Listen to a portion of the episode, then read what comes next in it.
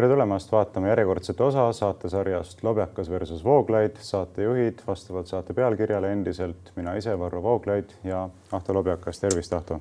tere vaatama ja kuulama. tänases saates räägime kolmel teemal. esimene nendest seondub Urmas Reitelmanni sunnitud taandumisega ERR-i nõukogust. teise teemana vaatleme küsimusi, mis seonduvad Poolas vallandunud meeleavaldustega valitsuse plaani vastu keelata abortide tegemine nendel puhkudel, kus loode on või võib olla puudega või haige. ja kolmandaks peatume USA presidendivalimistega seonduvatel küsimustel. ja tulles kohe esimese teema juurde, teen siis otsa lahti, Urmas Reitelmanni sunnitud taandumine ERR-i nõukogust. no on selge, et ta ei taandunud seal päris omal vabal tahtel, vaid ta pandi fakti ette, et lihtsalt muud varianti ei ole selles olukorras kuna tegelikult koalitsioonipartnerid ei suuda tagada piisavaid hääli tema jätkamiseks ERR-i nõukogus, kui see küsimus tuleb arutelule, arutelule parlamendis. ja mida ma ütlen omalt poolt algatuseks, no ma ütlen kahelt poolt kohe omapoolse kommentaari ära. esiteks, ma arvan, et konservatiividest ei ole prudentsiaalne, ei ole mõistlik teha selliseid avaldusi, kasutada selliseid väljendeid ja sõnu, mille puhul nad annavad oponentidele sellise laskemoona, mis lastakse nende endi vastu käiku ja nad ei suuda ennast selle kuuliraha eest kaitsta et me osaliselt nägime seda ju eelmisel nädalal seonduvalt selle valitsuskriisiga, kus EKRE oli sunnitud äh, taanduma kokkuleppest, et referendum abielu küsimuses korraldatakse kohalike omavalitsustega valimisega samal ajal. Ja nüüd me nägime seda Urmas Reitelmanni puhul, et jah, sa võid küll võtta sellised kankemad väljendid kasutusele, aga ma ei saa seda kuidagi põhjendatuks pidada olukorras, kus sa tegelikult ei suuda ennast pärast kaitsta, eks, ja minetad need positsioonid, mis sa olid saanud, mis võimaldasid sul oma põhimõtete eest seista, seda esiteks aga teiseks muidugi äh, kogu sellest äh, sellisest väga teravast kriitikalainest Reitelmanni suunal äh, vaatab minu jaoks jällegi vastu selline silmakirjalikkus, sellepärast et ühelt poolt ise kasutatakse väga tihti, teise poole, teisel poolel väga tihti kasutatakse selliseid samaväärselt halvustavaid väljendeid nagu homofoobia, nats ja ksenofoobia, rassist ja nii edasi. Mm, noh, sina isegi, eks ole, ERR-i saatejuhina nimetasid EKRE poliitikuid saastaks ja nii edasi aga siis, kui konservatiivide poole peal keegi kasutab selliseid kangemaid väljendeid, nimetades homoseksuaale sodomiitideks, siis ühtäkki on pandud toime selline ränk nii-öelda kuritegu, mille tõttu tuleb taanduda ERR-i nõukogust või muudel positsioonidelt, et mina seda selles mõttes iseenesest õigeks ei pea, et peaks panema paika ühed põhimõtted, mis kehtivad mõlemale poolele ühetaoliselt, kas on sõna vaba mõlema poole jaoks või ei ole ta vaba, vaba kummagi poole jaoks, aga need topeltstandardid mulle kindlasti ei meeldi nii, mulle jäi kõrva siin sõna prudentsiaalne. inimesed, kes ladina keelt ei räägi ja kelle huvid on mujal olnud koolis, ma igaks juhuks tõlgin selle ära, ta ei olnud ettevaatlik või noh, see sõna üldiselt eesti keeles on praktiliselt tõlkimatu. mõistlik. mõistlik ta päriselt ei ole, kui sa võtad selle. Prudentsia on mõistuslikkus ladina keeles. jah, aga kui see ei ole. mõistlikkus, arukus. me võime siin jääda vaidlema, aga põhimõtteliselt see termin, millega, mis on väga lähedane prudentsiale, mis tegelikult prudentsia puhul on oluline, on piibellikus või ütleme, eksegeetilises traditsioonis see ettehoolde mõiste Jumala puhul. Jumal on prudentsiaalne par excellence, nii edasi.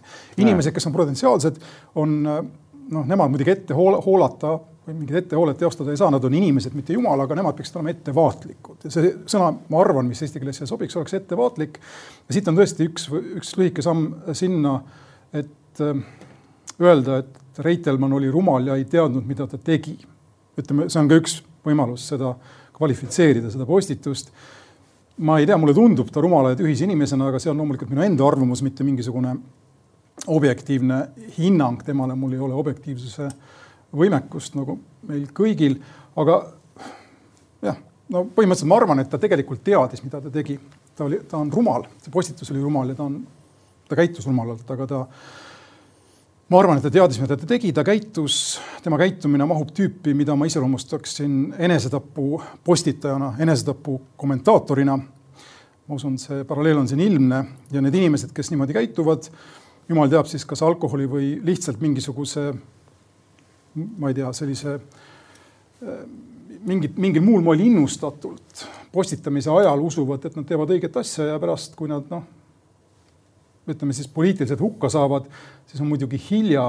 Ja ma kujutan ette, et Reitelmann ja tema sarnased inimesed võivad mõelda tegelikult päris, see oleks päris huvitav teada, mida nad mõtlevad sellest, et kui Mart Helme siseminister ja üks Helmetest ütles siin kaks nädalat tagasi seda, seda, mida ta ütles, siis tuli valitsuskriis ja ta, temaga ei juhtunud midagi, ütles Reitelmann, ei möödunud kahtekümne nelja tundigi, ta oli bussi alla visatud. EKRE ei astunud ta eest välja, nagu ta on välja astunud Helmete eest. aga see on EKRE sisene mõttekäik ja oleks lihtsalt huvitav teada, palju inimesed, paljud inimesed selle mõtte peale on tulnud, et kui su nimi ei ole Helme, siis ust näidatakse sulle sama kergusega nagu mustale näiteks. aga loomulikult, mis äh, siin oluline on ja ma arvan, et kuhu me tegelikult jõuda tahaksime selles debatis ja kuhu me oleme püüdnud jõuda, on see küsimus geidest või homodest ja homofoobidest kui mingisugustest poolte esindajatest ja no see on muidugi minu jaoks absurdne mingisugune foobia, mingisugune hirm, kartus, äratõuge on ju ainult reaktsioon, eks. olen Liblika stuudios. Äh, see on ainult reaktsioon ja probleem on äratõukaja, foobi ja sellise inimesega, mitte inimesega, kelle ta või ära tõukab, eks. ja, ja neid kahte asja või neid kahte inimest nii-öelda võrdsustada. noh, ma saan aru, et see on retooriliselt äh, mõjus mõttekäik ja isegi võib teatud hulka inimesi veenda, aga selge on see, et gei inimene on inimene, kellel on identiteet nagu kõigil meil, sinul üks identiteet, minul oma identiteet, Keil, gei inimesel kolmas identiteet ja see on tema enda asi, see identiteet, see on tema enda asi, kas ta selle välja toob või ei too välja, kas ta tahab seda eksponeerida või mitte. tahab eksponeerida, on tal selleks iga õigus nagu igal teisel inimesel.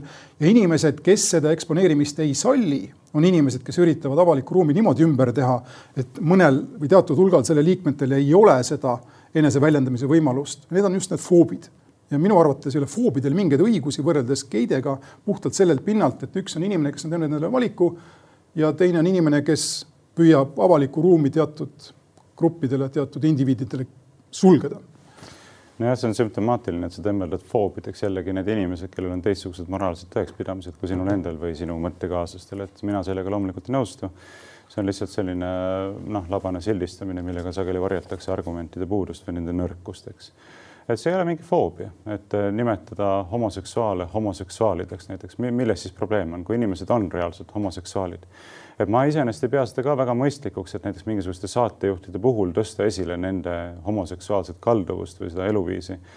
Aga, aga probleemiks on see küll siis ja see tuleb esile tõsta siis, kui need inimesed kasutavad ära oma positsiooni näiteks Rahvusringhäälingu saatejuhtidena selleks, et edendada endale meelepärast ideoloogilist programmi pidevalt sa mõtled, sa mõtled gei propagandat, aga palun too näiteid, ma kuulan sind, aga ma tahaks teada, mille, ma ei vaata telekat kusjuures no,. mida nad tegid? no toome näiteks eile oli Ringvaates, ähm, kes seal oli, Marko Reikop intervjueeris Allar Jõksi, eks, ja küsimuseks oli siis äh, selle abielu referendumiga seonduv. et mitte kõige vähematki püüdlust Reikopi ega saatekülalise poolt äh, kajastada seda referendumiga seonduvat teemat ka nende vaatevinklist, kelle arvates see referendum on vajalik, kelle arvates see on hea mõte, kelle arvates see tuleb korraldada ja nii edasi pall mängitakse ühemõtteliselt ühte väravasse, äh, naeruvääristades kogu seda referendumi ideed, naeruvääristades neid tööküsimusi, mis enneaegselt välja, välja saadeti ja nii edasi. ja ajakirjanik ei käitu ajakirjanikuna, ajakirjanik käitub sõna otseses mõttes homoaktivistina, kes teeb kõik endast olenevat naeruvääristada selle referendumi toimumist.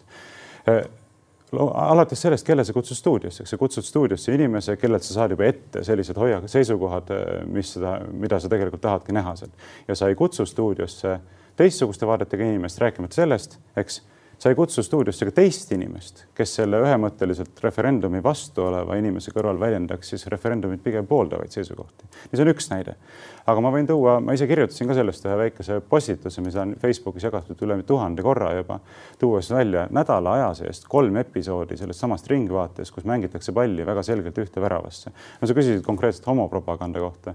kui paavst tegi selle avalduse, eks, et äh, tsiviilpartnerlusseadused tuleks vastu võtta, mis on selgelt vastuolus kirikuõpetusega, nagu on korduvalt ja selgelt esile ka toodud, siis kelle kutsus äh, Ringvaade seda teemat kommenteerima äh, niinimetatud gei kristlase Meelis Süldi, kes on ERR-is ainsa usuteemalise saatejuhataja, mis on omaette kurioosum, eks aastaid juba olnud. ehk siis äh, niinimetatud gei kristlane, kes ise elab avalikult ja aktiivselt vastuolus kirikuõpetusega seonduvalt sellest, mida, mida öeldakse homoseksuaalsete suhete moraalse iseloomu kohta, on siis see, kes tuleb seda küsimust Ringvaates kommenteerima. hea küll, on Meelis Süld seal, aga kus on teise poole esindaja? kus on keegi, kes ütleb, et ei, et see paavsti vaade ei ole kooskõlas kirikuõpetusega ja need järeldused, mis siin praegu tuletatakse, ei ole kooskõlas selle õpetusega. teist poolt jällegi ei ole kas järgmisel päeval kutsutakse teise poole esindaja seda teemat kommenteerima? ei kutsuta, eks ja noh, neid näiteid võib tuua väga palju, et kui keegi tahab teha content analüüsi, võtke Ringvaates käsile viimase kolme aasta jooksul näiteks kõik korrad, kus on käsitletud äh, ühel või teisel viisil, ma ei tea, kas kooseluseaduse, kooseluseadusega või muu sellisega seonduvaid küsimusi. Äh, ja vaadake, kas te leiate ühegi korra kus on äh, seda tehtud pigem sellisest konservatiivsest vaatevinklist. ma arvan, et ei leia mitte ühtegi korda, isegi kui leiate ühe korra, siis see on ilmselt sajakordselt nagu liberaalse positsiooni kasuks.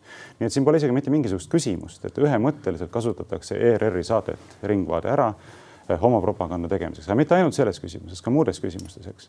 et kui valitsuskriisi kutsuti kommenteerima Urmo Soonvald, eks, kes on selle väljaande juht, kes noh, süstemaatiliselt pidevalt ründab valitsust alates sellest päevast, kui valitsus ametisse sai, eks.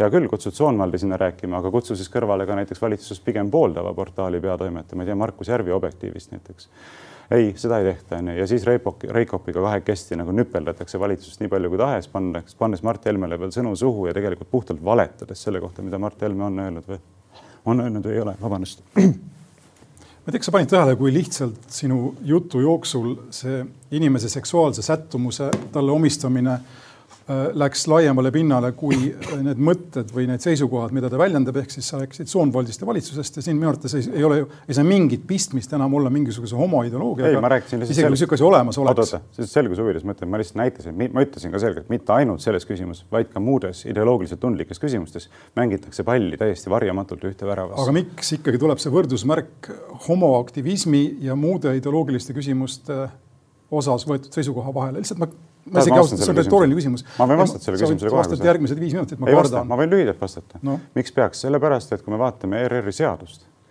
siis eh, sealt tuleb välja, nagu me oleme varasemates saadeteski öelnud, et ERR ei saa tegutseda täiesti kallutatult, ideoloogiliselt ja poliitiliselt kallutatult. ERR-i seaduses on konkreetselt öeldud paragrahvis kuus lõige kaks et programmid peavad olema mitmekülgsed, ühiskonnaelu teemade käsitlus neis peab olema tasakaalustatud. lõige kolm, programmid ja meediateenused peavad kaasa aitama ühiskonnaliikmete ja rühmade omavahelisele kommunikatsioonile ja ühiskonna sotsiaalsele sidususele ning kajastama erinevaid arvamusi ja tõekspidamisi. lõige viis, Rahvusringhäälingu saated peavad olema poliitiliselt tasakaalustatud, nii ma ei saa ikkagi aru, et äh, saatejuhid on sodomiidid, selle, seetõttu nad ei kajasta neid küsimusi nii nagu peab. mina vastan su küsimusele, miks ma tõin sisse ka selle Urmo kus... Soonvaldi episoodi, sellepärast me näitame, näeme, et siin ei ole poliitilist mina tahan, mina tahan lihtsalt illustreerida või näitlikustada seda, kuidas sinul ja inimestel, kes noh, keda sa kutsud konservatiivideks, sellistest teemadest rääkides ei ole piiri Nad ei suuda tõmmata piiri inimese, ütleme identiteedi, identiteedi, sättumuse ja valikute ning inimese vaadete vahele. ja see on midagi, mille kohta ma olen ka varem öelnud, ei ole põhimõtteliselt erinev sellest, eh, mida on ära kasutanud eh, repressiivsed eh, totalitaarsed riigid siin minevikuseks möödunud sajandil, kui väga tihti ja väga lihtsalt ületati see piir, kus vastast hakati kirjeldama loomana, ühesõnaga bioloogiliste funktsioonide alusel ja nii edasi, nii edasi, nii edasi. absurdne argument. võimalik, aga Kes... ma ütlen sulle, et ajaloos on see olnud probleemiks ja mina näen pigem just sinu ja sinu mõttekaaslaste lähenemises seda probleemi, isegi kui te endale seda ei tunnista, võib-olla isegi ei näe, ma ei taha sind isiklikult milleski süüdistada, aga sa avad ukse või sinu mõttekaaslased avavad ukse, kus inimene loomastatakse, nagu ütleks Heidegger. mille pinnalt sa ütled seda praegu, mille pinnalt sa ütled, see on mingi täiesti absurdne süüdistus. sest et mina ei näe, kuidas inimese seksuaalne, kuidas sa inimese bioloogilised, ütleme siis, ütleme seksuaalne sättumus, mis on inimese bioloogiline bioloogilise eneserealiseerimise vorm, eks. kuidas sellel on mingisugune pistmine sellega, mida ta arvab valitsusest? no anna andeks mulle, ma ei näe aga seda. kus see üle, aga sa tegid selle ülemineku väga ei, naturaalselt. ma näitasin sulle lihtsalt seda, et mitte ainult homoseksuaalsete aga me arutame Reitelmanni ja sodomiitlust, eks. ei, me ei aruta seda tegelikult. sellest hakkas see sinu poolt ähm, suunatud diskussioon pihta. aga tegelikult me arutame palju laiemat küsimuste komplekti, millele mina tahakski tähelepanu juhtida, et tegelikult Reitelmanni postituses pöörati tähelepanu ja võeti kinni sellest ühest sõnast aga mitte sellest sisulisest probleemist, millele Reitelmann tähelepanu juhib ja siis... selleks on ERR-i totaalne kallutatus. täna sulle, okei okay,, täna sulle meeldib vastata küsimustele, kas ma tohin siis retooriliselt ei küsim..., ma ei hakka sul mingi küsimustele vastama. no jumala eest, aga siin sa ise eelmisele küsimusele tahtsid vastata. ja, ja see oli konkreetne selles mõttes küsimus. olgu, oli... ma ei esita seda küsimusena, ma ütlen sulle, et äh, mulle jääb väga halb mulje sellisest mõttekäigust, et seal oli üks sõna, mis ei sobinud, aga kogu ülejäänud mõttekäik Reitelmannil oli kuidagi arvestatav. mina pakun, et on sõnad, mille kasutamine nii-öelda hetkega hävitavad kogu usutavuse ja sa ise ju viitasid minu sõnakasutusele, kus mm. üks sõna, mitte minu mõte, vaid üks sõna, saast, oli see, mis oli nii oluline ja kõik muu minu puhul lendas läbi akna või aknast välja, eks. sind ei huvita ju, mis mu tegelik mõte oli, see ei olnud minu puhul seda, et näed, üks sõna läks valesti, aga arutagem seda, mida ta ütles. ja mina lihtsalt, kuhu ma jõuda tahan, on see, et noh, ütleme, geid on üks kogukond, eks meil on siin teisi. kui keegi ütleks juudinäru ja siis jätkaks seda juttu postituses, ma usun, et isegi sina, isegi, isegi sinu konservatiivsed sõbrad võib-olla astuksid korra tagasi ja mõtleksid, et ülejäänud jutt ei kõlba ka kusagile. ma tahan seda öelda, et sodomiit on täpselt samas kategoorias kui juudinäru või minu pärast, ma ei tea, svartkalle rootsi keeles musta inimese kohta ja nii edasi. sellise sõna kasutamine automaatselt, sellise sõna kasutamisega see inimene sooritab poliitilise enesetapu vabas õigusriigis ja nii Reitelmanniga juhtus ja nii peabki minema aga nüüd tuleb välja teie, sinu enda ja liberaalide totaalne silmakirjalikkus. esiteks ei tunnista seda, et ERR-i seadust rikutakse süstemaatiliselt, Ringvaates näiteks. ma tõin sulle konkreetse näite, ma ütlen, palun uurige, tooge välja Postimehe ajakirjanikud, näiteks vaadake või ERR-i ajakirjanikud, kes hakkavad uurima seda, kas see on kallutatud või mitte. kas on käsitletud mõlemast vaatevinklist, liberaalsest ja konservatiivsest vaatevinklist, näiteks seonduv, küsimusi, mis seonduvad kooseluseadusega või ma ei tea, välismaal sõlmitud homoabielude kehtivana tunnistamisega Eestis seadusevastaselt, nagu kohtud on seda teinud ja nii edasi.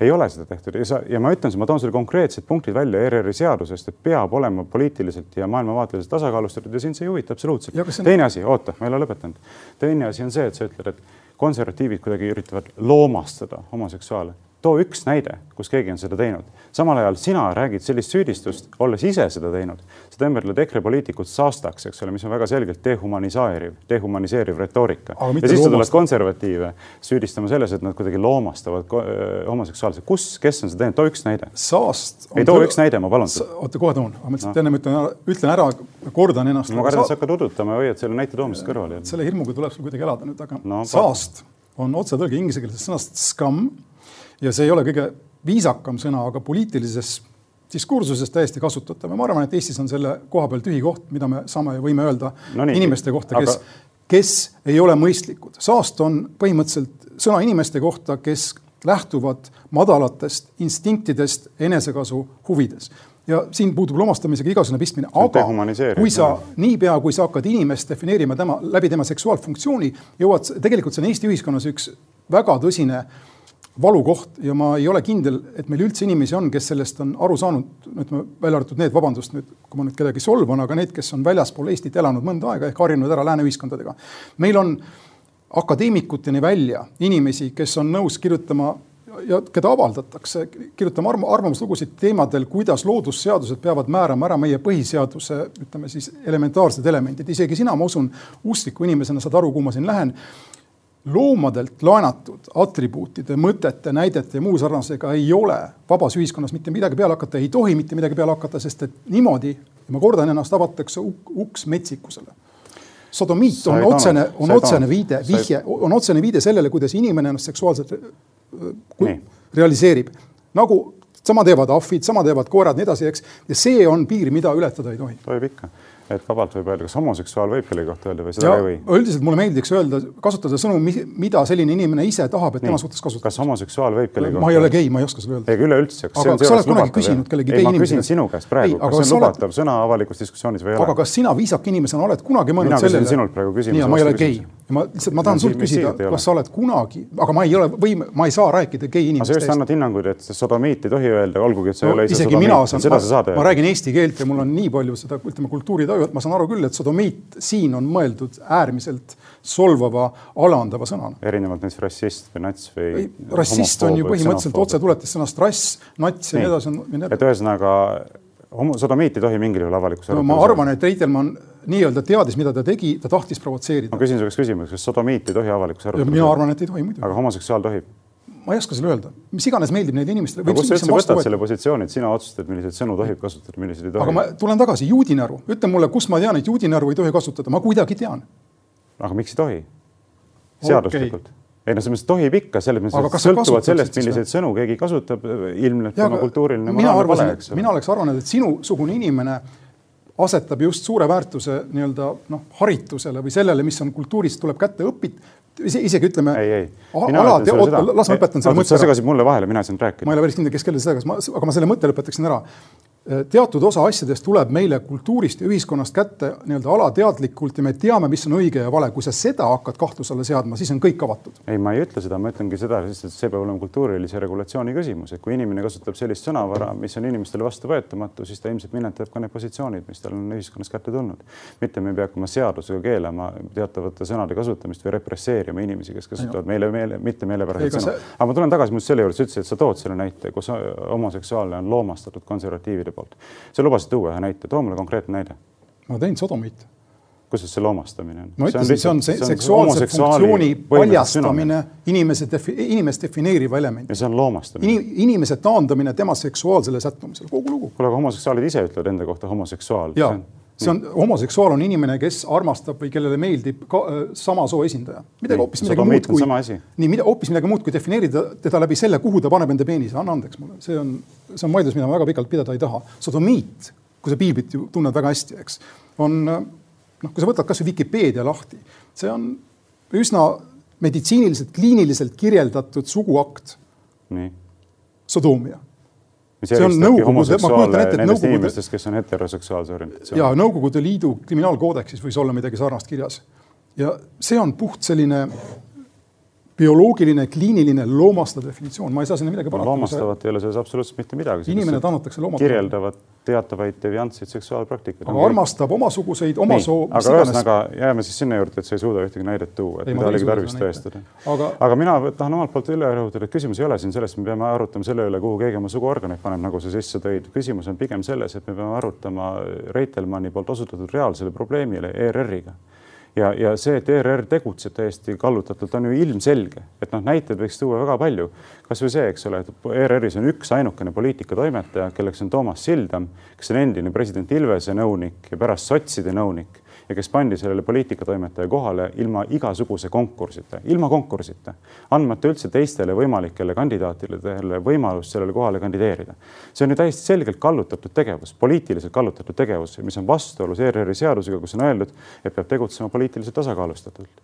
või no see teine näide, mis ma tõin, eks ole, et Meelis Süld, eks, ise avalik gei kristlane nii-öelda, on siis ainsa ERR-i usu ja religiooni teemalise saatejuht, eks aastaid nii, ma ei tea, kas see on ka ilma konkursita tehtud jälle, aga fakt on see, et see on naeruväärne selline olukord, eks. ja Ringvaate, Ringvaate näite ma tõin. ja noh, siit me jõuame lõpuks selle küsimuseni, et mina olen täiesti nõus sellega, kui ERR-i nõukogu esimees Rein Veidemann ei suuda tagada seda, et ERR tegutseb kooskõlas Rahvusringhäälingu seadusega, siis tõepoolest peab tagasi astuma. igasugune küsimus sellest, kas hakata ERR-ile eraldama veel kakskümmend kaks miljonit uue maja ehitamiseks, tohiks üleüldse tõusetudagi olukorras, kus lihtsalt süstemaatiliselt rikutakse ERR-i seadust. mul on kaks, ma usun, et me võime sellele arutelule nüüd otsad ja, nagu kinni tõmmata, aga mul on kaks mõtet, mida ma tahan, mille ma tahan, milleni ma tahan jõuda lühidalt, enne kui me seda teeme. üks on see, et kui ma nüüd püüan võimalikult lihtsalt öelda seda, mida ma arvan, et sa ütled või tahad, siis see on see, et kui on ühel pool inimesed, kes ennast kuidagi määratlevad, siis sa tahad, et inimesed, kes ütlevad, et see nende inimeste enesemääratlus on vale, saaksid samasuguse hääleõiguse ja seda ma, ma arvan, meie põhiseadus ei luba. inimesel on identiteet, mida talt ei tohi ära võtta, mille põhjal teda ei tohi diskrimineerida. kui inimene on gei, siis ei ole mingit pidi para-, ütleme tasakaalu või mis ta on siis ekvivalentsi gei inimese ja inimese vahel, kes ütleb, et tema gei olemine on kuidagi ühiskonnas probleem. üks inimene realiseerib enda põhiseaduslikku vaba inimese õigust, teine inimene üritab tema staatust indiviidina kuidagi õõnestada. see on üks asi, mida sa ütled sisuliselt teine asi, mida ma tahan öelda, on ERR-i osas, ma olen sinuga nõus, me oleme sellest rääkinud varem, eh, teatud mõttes nõus, eh, poliitilises, ütleme poliiti-, aktsepteeritava poliitilise skaala ulatuses. Loomulikult peaksid esindatud olema kõik vaated ja ma ütleksin sulle, et kui sa vaatad kasvõi neid eh, arutelusaateid, siis need on praktiliselt eranditult meil keskealiste või juba, juba ma ei tea, vanakeskealiste meeste käes ja mitte ainult ERR-is, vaid ka igal pool. Ja ma ei näe nagu selles mõttes probleemi. Need inimesed, puudutab või sugu, need on liberaalid need, kõik. Need inimesed ei esinda mingil juhul noorsugu, nad ei esinda mingil juhul liberaalsust, nagu noored seda näevad, isegi vasakpoolsust nad ei esinda, eks.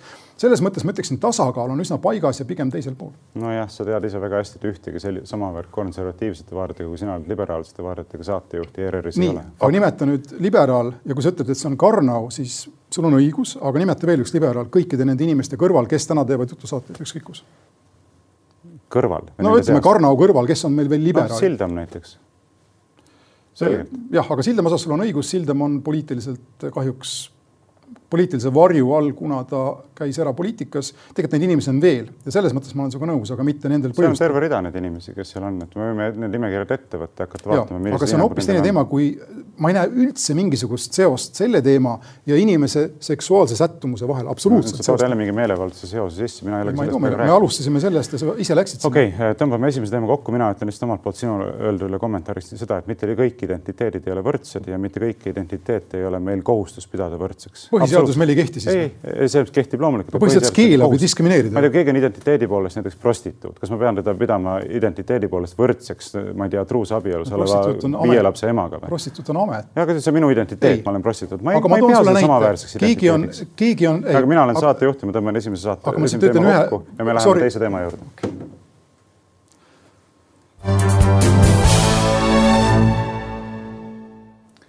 ja teiseks teemaks, nagu eelnevalt öeldud, äh, on siis küsimus, küsimuste bukett äh, seonduvalt sellega, et Poolas on vallandunud suured meeleavaldused, millega protestitakse valitsuse plaani vastu või ütleme, võimulolijate plaani vastu keelustada abort ka nendel puhkudel, kus loode on puudega või haige või võib seda olla nagu see on ka Eestis lubatud, et äh, Poolas teatavasti nii või teisiti on ähm, abordi võimalused piiratumad kui paljudes teistes Euroopa riikides, kõikides teistes Euroopa riikides, nüüdseks võib öelda, kus ka Iirimaa on taandunud sellest positsioonist, et lapsi ei tohi ennem sündi tappa. ja neile peab olema tagatud samasugune eluõigus kui teistele, teistele inimestele. aga, aga nüüd see on siis ajanud liberaalid eriliselt närvi, et tahetakse seda abordi tegemise võimalust veelgi kitsendada. ja no mida mina ütlen omalt poolt, on see, et ka selles teemas ilmneb äh, liberaalide tohutu silmakirjalikkus, et äh, sa ise positsioneerid siin ennast äh, sellise suure inimõiguste ja võrdsuse ja inimlikkuse eeskõnelejana, ütled, et ei tohi inimesi dehumaniseerida, tuleb neid alati kohelda inimesena. aga no abordi teema on see teema par excellence, kus tuleb välja, et kogu see retoorika on õõnes ja tegelikult selgelt valelik. et kui riik ei kaitse kõikide inimeste õigust elule võrdsetel alustel ja jätab kaitseta need inimesed, kes on kõige süütumad, kõige kaitsetumad, kõige pisemad, eks, et siis on täiesti selge, et kogu see jutt võrdsetest õigustest, mis muudes küsimustes aetakse, on täiesti sisutühi ja lihtsalt äh, õõvastavalt silmakirjalik, et äh, noh, kui me räägime inimõigustest, siis esmane inimõigustest on õigus elule ja selle tõttu on eriti groteskne, eks ole, et veel sündimata laste massilist süstemaatilist tapmist ja selle riiklikku rahastamist õigustatakse inimõiguste retoorikaga, nagu selle, nende inimeste tapmine oleks mingisugune inimõigus, see ei ole seda. ja, ja kes räägib vastupidist, see lihtsalt näitab, et tal ei ole elementaarset arusaamist sellest, mis on inimõiguste idee üldse. see sõna tapmine on sul äh, väga laetud ja ilmselt meelega valitud laetud termin. Äh, ta on mõjus, aga siin on ühesõnaga, ma ei hakka praegu siin liberaale kaitsma. mille poolest see vale on? minu enda, kohe ütlen, minu enda seisukoht on ja ma olen seda ka varem väljendanud, et tegemist on õnnetu ja ütleme, ajastu spetsiifilise konfliktiga kahe õiguste kogumi vahel, üheks on ema õigused ja teiseks on sündimata lapse õigused ja see tasakaal või kaalu, mis ta on siis, kaal see on va, vaekauss on langenud ema kasuks ja äh, mis, kus mulle tundub, et ühesõnaga ma arvan, ma ütlesin, et see on eba, et see ei ole iseenesest ideaalne asjade käik, eks ma usun, et keegi, äh, emad kaasa arvatud, ei tahaks äh, kedagi tappa, nagu sa ütled, või ütleme, elu lõpetada, eks ükskõik, kuidas seda nimetada. kui oleks teine võimalus ja ma usun, et võib-olla paarisaja aasta pärast juba on võimalus mitte invents-, ütleme minimaalse invasiivsusega see loode emakehast eemaldada ja kui ühiskond on loonud ka võimalused see loode üles kasvatada, siis on mõlemad pooled rahul lõppkokkuvõttes, eks ema õigused on respekteeritud ja selle sündimata lapse õigused on respekteeritud niivõrd, kui, kui, kui nad on olemas. aga kus on siin, kus on siin vastuolu, kus ma näen siin vastuolu, on see noh, sinu toetus ka selles küsimuses enamushääletuse ja ütleme, enamuse arvamuse printsiibile, ma olen kindel, et sa oleks ikka nõus selle küsimuse panema rahvahääletusele, kui see võimalik oleks, aga mulle tundub ta printsiibina. ja kui sa, niipea kui sa avad uksed siin enamuse arvamusele, siis kõik see, mis on siin mõistlikku ja loogilist ja ütleme noh, mõistuspärast, lendab aknast välja, sellepärast siis mängib ainult rolli see, kes suudab kõvemini karjuda. sama käib siin sellesama gei abielude ja muu sarnasega. siin on küsimus, kas printsiibis ja see printsiip on ülem igasugusest enamusest või nagu sulle mõnikord meeldib öelda, rahvas ise peab otsustama, siis ta ei ole printsiip, siis ta on rahva parajasti see otsus, otsuse küsimus. ja ma tahaksin selles mõttes ka selgust sinult, kui sa oled nii kindel, et tegemist on jumaliku õigusega, siis põhimõtteliselt ma, me oleme sellest ka varem rääkinud, mingisugune enamus sind takistada ei saaks ju neid, neid, nende laps, laste elusid päästmast, ma kujutan ette. mida sa üldse väidad, praegu ma ei saa aru, sa räägid nagu. ma lihtsalt üritan seda öelda, et kui sa näed nüüd, et tuleb kusagil võimule ütleme partei või valitsus, kes on nõus selliseid meetmeid rakendama nagu, nagu Poolas, eks, siis sa kiidad seda ju kui rahva eneserealisatsiooni. kui tuleks teistpidi valitsus võimule, siis see eneserealisatsioon sulle järsku ei meeldi. ma üritan ka aru saada, kas need asjad sinu jaoks on põhimõtted, mille eest sa võitled sõltumata enamuse arvamusest või nad ei ole põhimõtted ja sa näed neid nii-öelda õigustatuna sellest, et suur osa inimesi, enamus inimestest toetab seda vaatepunkti. sest et kui sa oled põhimõtte poolt ja enamus sulle korda ei lähe, siis ma nagu saan sinust aru, aga kui sa oled enamuse printsiibi poolt, siis varem või hiljem, kui sa vaatad Põhjamaid ja ülejäänud Euroopat, see, mis Poolas toimub, lükatakse tagasi, pühitakse ära, see, mis Eestis toimub, pühitakse ära. mind ausalt öeldes üllatab. enamused liiguvad teises suunas, kui sa oled tõesti seda meelt, et enamus otsustab. ja mind ausalt öeldes üllatab, et sellist küsimust üldse tõstatad, sellepärast et see on ilmselge, milline minu positsioon selles küsimuses on, et demokraatlik otsustus on lihtsalt vaidluste lahendamise mehhanism. ma ei ole mitte kunagi olnud seda meelt, et enamuse otsus on tingimata õige otsus aga kuidagi tuleb vaidlust lahendada ja kui me oleme aktsepteerinud, et meil on demokraatlik riigikorraldus, siis me peame aktsepteerima ka seda, et niimoodi me lahend-, vaidlust lahendame. et kui näiteks Iirimaal oli referendum seonduvalt sellega, kas seadustada veel sündimata laste tapmine ja otsustati, et jah, seadustame, siis see ei tähenda, et ma arvan, et see on õige. aga, aga ma pean pärast... aktsepteerima selle otsusega, otsuse selles põhiseadus, nendes põhiseaduslikes raamistikes lihtsalt praegusel hetkel kehtiva otsusena, jah, järelikult sinu jaoks ei ole midagi kõrgemat demokraatlikust seadusandlusest ehk põhiseadusest, erinevalt Urmas Viilmast. kuidas sa sellise järelduse saad teha? aga see mind huvitabki, kuidas sa saad endas. ma ei pea sellist otsust õigeks, aga ma pean seda aktsepteerima õiguslikult kehtiva otsusena selles põhiseaduslikus raamistikus. aga see võib moraalselt täiesti vale olla. aga sinu enda. kui näiteks homoabielu seadustatakse, ma ju pean seda aktsepteerima, et selline on nüüd meie riigis kehtiv õigus, aga ma ei pea seda aga õigeks. sa ei, erinevalt näiteks sellest tuneeslasest, kes tappis eile Prantsusmaal kolm inimest ja kes tõesti lähtus mingisugustest kõige kõrgematest moraalsetest põhimõtetest eri, eri, erinevalt temast sul.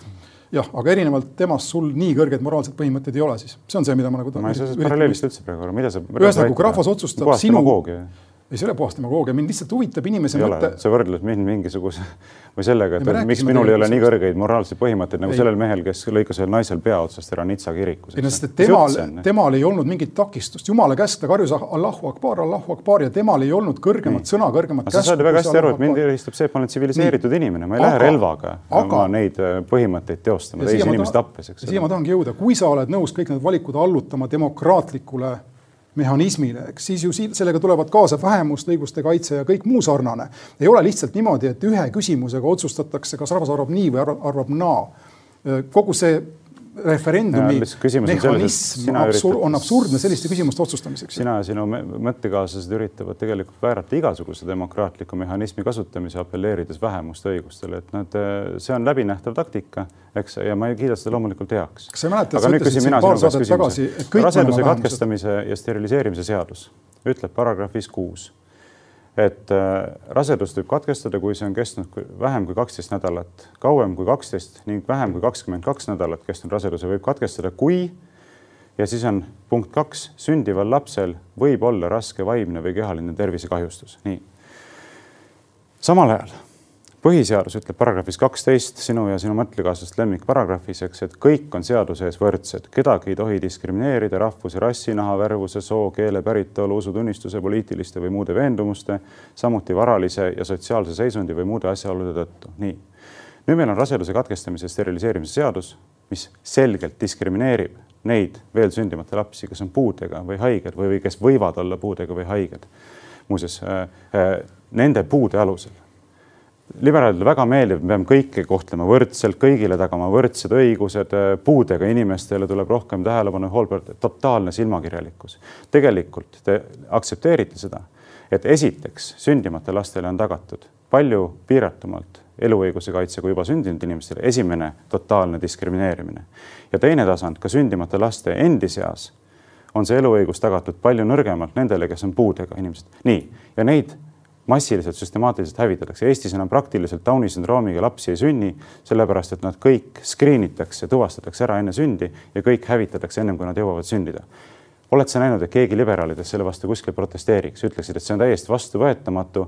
kogu jutt näiteks puudega inimeste kaitsmisest on silmakirjalik, kui me ei kaitse neid nii palju, et nad üldse saaksid sündidagi. mitte keegi ei räägi mitte sõnagi sellest ja minu meelest see on nüüd see, mis on siin Poolas ka praegusel hetkel tähelepanu all. valitsus tahab tagada puudega inimestele samasuguse eluõiguse kaitse, nagu on tervetel inimestel ja liberaalid ütlevad, et see on räme inimõiguste rikkumine. no see on ju täiesti nagu absurdselt silmakirjalik seisukoht meil ja ka Poolas kehtivate seaduste kohaselt ei ole ütleme siis kõik subjektina defineeritavad äh, subjektid samaste õiguste, samasuguste õiguste omanikud, eks fakt on see, et loode enne kaheteistkümnendat rasedusnädalat, enne selle lõppu, on määratletud vähema subjektina kui loode, kes on selle Nii, perioodi üle elanud. kõrval, et kas mustanahalised võiks ka määratleda vähema Nii. subjektina või homoseksuaalid või venelased? ma olen sulle öelnud ju seda, aga tegelikult ju niimoodi on, et kodanikul on vähem õig-, rohkem õigusi riigis kui ütleme, alalise elamisloaga inimesega, nii edasi. see ei ole ideaalne situatsioon, ma olen sulle algusest peale öelnud, ma ei et ma ei, ma ei pea seda iseenesest ideaalseks, aga samas, mis tähendab seda õigeks pidada, oled sa ise ka öelnud, kui enamus otsustab, siis tuleb sul selle otsuse järgi käia, eks. mina põhimõtteliselt tänaseid reegleid pean õigeks. ma oletan, et nad, nendeni on jõutud viisidel, noh, millega ma ei saa eriti vaielda, aga mida ma tahan sinu kohta öelda. kus see moraalsed põhimõtted on? ma tulen korra tagasi selle, mul on moraalne põhimõte sa ise räägid võrdsest kohtlemisest, miks sa ei protesteeri selle vastu, et Downi sündroomiga inimesed hävitatakse enne, kui nad jõuavad sündida, miks sa ei protesteeri? ma tahan kohe siia jõuda, sest mul ei ole nii kindlat võib-olla sõnumit, mis tuleks kusagilt mujalt ütleme siis üledemokraatlikku või üleinimiselist, nagu sul on. mul on selline kantiaanne sõnum ja kantia-, Kant ütleb ja noh, kantiaanne nagu koge-, tõdemus on see, et kui millelgi on inimese nägu, selle inimese, siis tuleb teda kohelda inimesena ja minu töö ja minu soov oleks selle inimese näo äratundmist nihutada võimalikult kaugele. siin me oleme tõenäoliselt samas kohas, aga, aga mina olen selles mõttes pragmaatilisem, et ma näen, et meie jõududega me ei suuda teda väga kaugele täna nihutada. ma tahaks, et inimesed oleks või et loomad oleksid inimese näoga teatud mõttes, et meil ei oleks tapamajasid nagu täna on ja nii edasi. ja samamoodi käib see asi ka loodete kohta, aga kuhu ma jõuda tahan enda, et, et minu see esimene pool jutust sulle ikkagi ei tunduks irratsionaalsena. sa lihtsalt ei vasta mu küsimustele, sest sa nõuad minult vastuseid, aga kui mina sult midagi küsin, siis põhimõtteliselt ei vasta. Varro, ma juba ammu nõuan retoorilisi vastuseid, mitte ma ei arva, et sa mulle annaksid päris vastuse. Äh, mitte sellepärast, et sa ei oskaks, aga sa ei taha ja meil on lihtsalt niivõrd erinevad agendad, aga kui ma ta, tahan välja jõuda, on see, sinu vaatepunktist ma saaks, ühesõnaga sinust ma saaksin siis aru, kui sa käiksid uks, ukselt uksele nagu Jehova tunnistaja, laseksid kella ja üritaksid inimesi veenda, et nad enda Downi sündroomiga loodet ei abordiks, aga teha seda läbi seaduse, teha seda läbi enamushääletuse, sellega sa avad ennast täpselt sellele, mida sa üritad vältida, tuleb järgmine enamus ja võtab sult selle ära. sa pead inimese ümber. kuidas sa ei näe, kuidas sa nagu rikud printsiipe, mida Varu. sa viis minutit tagasi ise jaatasid? ma saaksin sinust aru, kui sa käiksid ukselt uksele ja nõuaksid, et inimesed kohtasid homoseksuaal, homoseksuaalseid liite. ei, homoseksuaalidel ei ole ma ei ole nõus sellega, kui sa nõuad seda seadustada. homoseksuaalidel ei ole vaja enda olemasolu õigustada, nad on inimesed, kelle valikud seda õigustada teatud valikud, eks, aga mida ma üritan sulle ikkagi öelda, millest sa tundud mitte aru saavat, niipea kui sa paned millegi avaliku, ütleme enamushääletuse otsustamisele, siis korra sa selle saad, aga järgmine kord võetakse sult see ära ja sinu põhimõte on ikkagi nagu lihtsalt lipp tuules, eks. no mis su alternatiiv siis on, hakata samamoodi päid otsast inimese... ära lõikama? Varro, ma tahtsingi seda öelda, aga sa ei lasknud mul lõpetada, täna mul on raske enda mõtteid lõpetada, mis on minu puhul äh, haruldane no,. mina olen sellega harjunud juba sinu puhul. ja, aga täna ma ei ole äh, võitlusvõimeline niimoodi võib-olla, igal juhul see, mida sina saaksid tahta ja peaksid tahtma, jäädes moraalseks inimeseks, on inimese ümberkasvatamine, inimese veenmine, inimesele õige tee näitamine. see, mida sa teha tahad, on ka, no ütleme, kui ma toon paralleeli ajaloost, see on muidugi groteskne, aga paremat ma praegu ei leia. see on see, kuidas Eestisse toodi riski, ristiusk tule ja mõõgaga, eks no. sa oled nõus sedasama tegema abordiga, geidega ja nii edasi. samas, kui sa peaksid seda tegema jumala armuga seda räägib mees, kes ütleb, et tuleks ära keelata kõikvõimalike sõnade kasutamine, muuta see kriminaalkorras karistatavaks, mis talle ei meeldi, eks. et huvitav, sina, miks sa siis selles küsimuses täpselt risti vastupidisele seisukohale, et, ütlesin, et vihakõne tuleb kriminaliseerida, kõikvõimalikud seisukoha väljendused, mis sulle ei meeldi, tuleb kriminaliseerida, aga, aga sündimata laste tapmist ei tohi kriminaliseerida. gei ja homofoob ei ole mitte üheski maailmas kaks kaalukaussi mille vahel kuidagi on võimalik leida tasakaal. üks ei kuulu kausile, teine on selle teine on inimene. ma lihtsalt näitan, et sinu poolt väljendatud seisukohad ei ole ratsionaalselt järjepidevad ja sa saad sellest ise ka väga hästi aru, olgem ausad. sa tahad, et mina ei tohiks seista selle eest, et sündimata lapsi ei tohiks tappa, et puuetega lastele peaks ta tagama samad õigused kui teistele lastele. aga sina võid küll nõuda seda, et eks ole, vihakõne tuleks kriminaliseerida. sa ei kuula mind, ma lihtsalt ütlen sulle, et see lahendus, mis Poolas on saavutatud, on ju ajutine. tuleb teistsugune valitsus, võtab, annab naistele uuesti õiguse ja võtab ära nii-öelda sinu, sinu meelest lastelt, eks ma lihtsalt üritan öelda, et see ei ole ju lahendus sellele ma ei vaidle vastu, aga ma lihtsalt ütlen seda, et see ongi vaidluste lahendamise mehhanism, mida ma küll aga tahan üles kutse teha ajakirjanikele, on see, et kui te reaalselt hoolite puuetega inimeste õigustest, siis uurige palun seda küsimust ja kajastage seda küsimust, kui palju Eestis üldse veel sünnib Downi sündroomiga beebisid näiteks? Ja kui paljud nendest hävitatakse ennem, kui nad jõuavad sündida, kui te see, reaalselt usute. see on väga õige küsimus, niimoodi tuleb seda asja arutada. okei okay,, vähemalt ühes asjas jõudsime üksmeelele, nii. ja läheme kolmanda teema juurde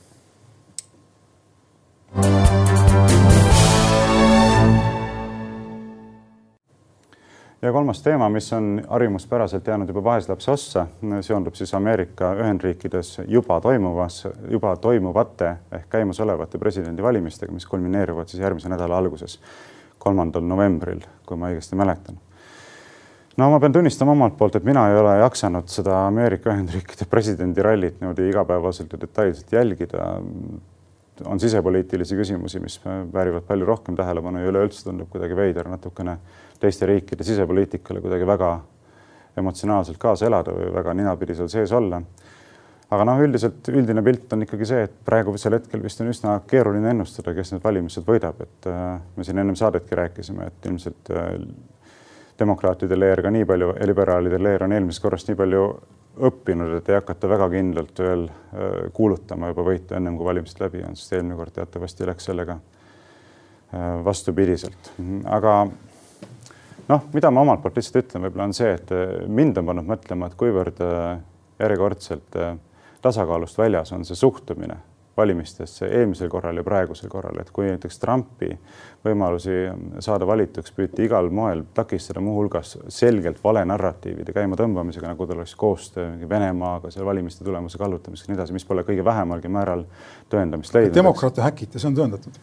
Äh, võib-olla, aga ei ole tõendatud mitte kuidagi see, et see oleks toimunud koostöös Trumpi valimismeeskonnaga, eks aga nüüdsel hetkel, eks, kus on äh, Bideni suhtes väga tõsised korruptsioonikahtlused üles tulnud, äh, äh, näidatakse üles totaalselt teistsugust sellist suhtumist selle asja suhtes, et eelmisel korral pandi kõlama ühesõnaga väga jõuliselt vale narratiiv ja nüüd, kui on reaalselt tõestatud faktid, et tõepoolest ongi väga tõsised probleemid siis üritatakse need maha vaikida, aga kuni sinnamaani välja, et Facebook ja Twitter isegi keelasid nende uudislugude jagamise viisil, mida loomulikult ei tehtud Trumpi suhtes levitatud valedega, valedega seonduvalt.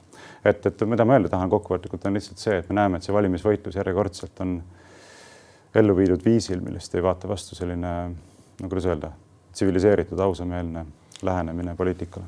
teatud mõttes sul on õigus, aga minu arvates see on ju asjade loomuses ja mina olen küll nii praktiline inimene, et ma saan aru, et on kohti või on alasid, kus kõik on lubatud ja need ei ole ainult armastus ja sõda, vaid ka poliitika.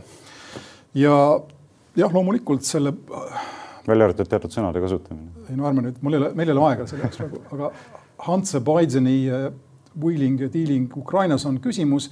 samas, kui ma meenutan sulle, äh, Trump ütles enne valimisi kaks tuhat kuusteist äh, mingisugusel pressikonverentsil või kus iganes, venelased häkkige demokraate ja nii juhtuski, eks no ma ei tea, kas siin on nüüd otsene süüd, süüdlus või mis iganes mängus, aga ärme sinna lähe. aga kus on probleem ja see, see, mis kaalul on, on midagi palju suuremat kui, kui see, millest sina rääkisid ja millest, millest mina praegu rääkisin. neli aastat on USA-s olnud võimul inimene, keda ma oskan kirjeldada hetkel selle saate raames kui oranži ja rikka Reitelmannina, kes on ära kasutanud kusjuures ta ei ole homofoob, see on paradoksaalne, eks Ida-Euroopas on Reitelmannid homofoobsed. Äh, Trump ei ole homofoob, aga ta on, ta kasutab, ära kasutanud vaeste, õnnetute ja rumalate inimeste noh, hädasid, ütleme siis niimoodi, äh, illusioone ja muud sarnast. ta on väga osav äh, manipuleerija, väga osav demagoog ja ma arvan, et me oleme nüüd näinud, mida neli aastat on toonud, iseenesest noh, täname siis saatust või ajalugu selle kogemuse eest maailma kodanikena ja mina ütlen, et aitab. teised ei pruugi niimoodi öelda, aga see on, nagu sa ütled, meil ei ole tegelikult mingit sõnaõigust seal. minu vaade on selline kogu lugu no ilmselt tuleme selle teema juurde tagasi järgmises saates, ma arvan, see on mõistlik, kui need presidendivalimised on juba möödas ja me teame, kes Ameerika Ühendriikide uus president on. see ei pruugi olla nii lihtne. no ei pruugi jah, aga suure tõenäosusega. häälte lugemine võib olla probleemsem. hea küll, aga noh, üks küsimus, mille võiksime siis järgmises saates ka tõstatada muuhulgas on siis see, et mis siis nii hullu selle Trumpi valitsemise ajal juhtunud on, et mina tõtt-öelda ei saa isegi sellest nii väga aru, et tehakse niisugust nägu, nagu oleks, ma ei tea, Hitler võimule tulnud või midagi sellist. aga ma ei näe üldse, mis nagu väga palju oleks muutunud või mis väga palju oleks teisiti läinud, aga ilmselt me ei jõua seda teemat vist praegu käsitleda. presidendi võim on piiratud. jah, noh, presidendi võim on igas demokraatlikus süsteemis piiratud aga täname vaatamast ja kuulamast, oleme saatega eetris uuesti järgmise nädala lõpus Postimehe vaatajate ees reedel, Kuku kuulajate ees laupäeval. mina olin Varro Vooglaid ja minu kaassaatejuhiks oli Ahto Lobjakas. tänan kuulamast. thank you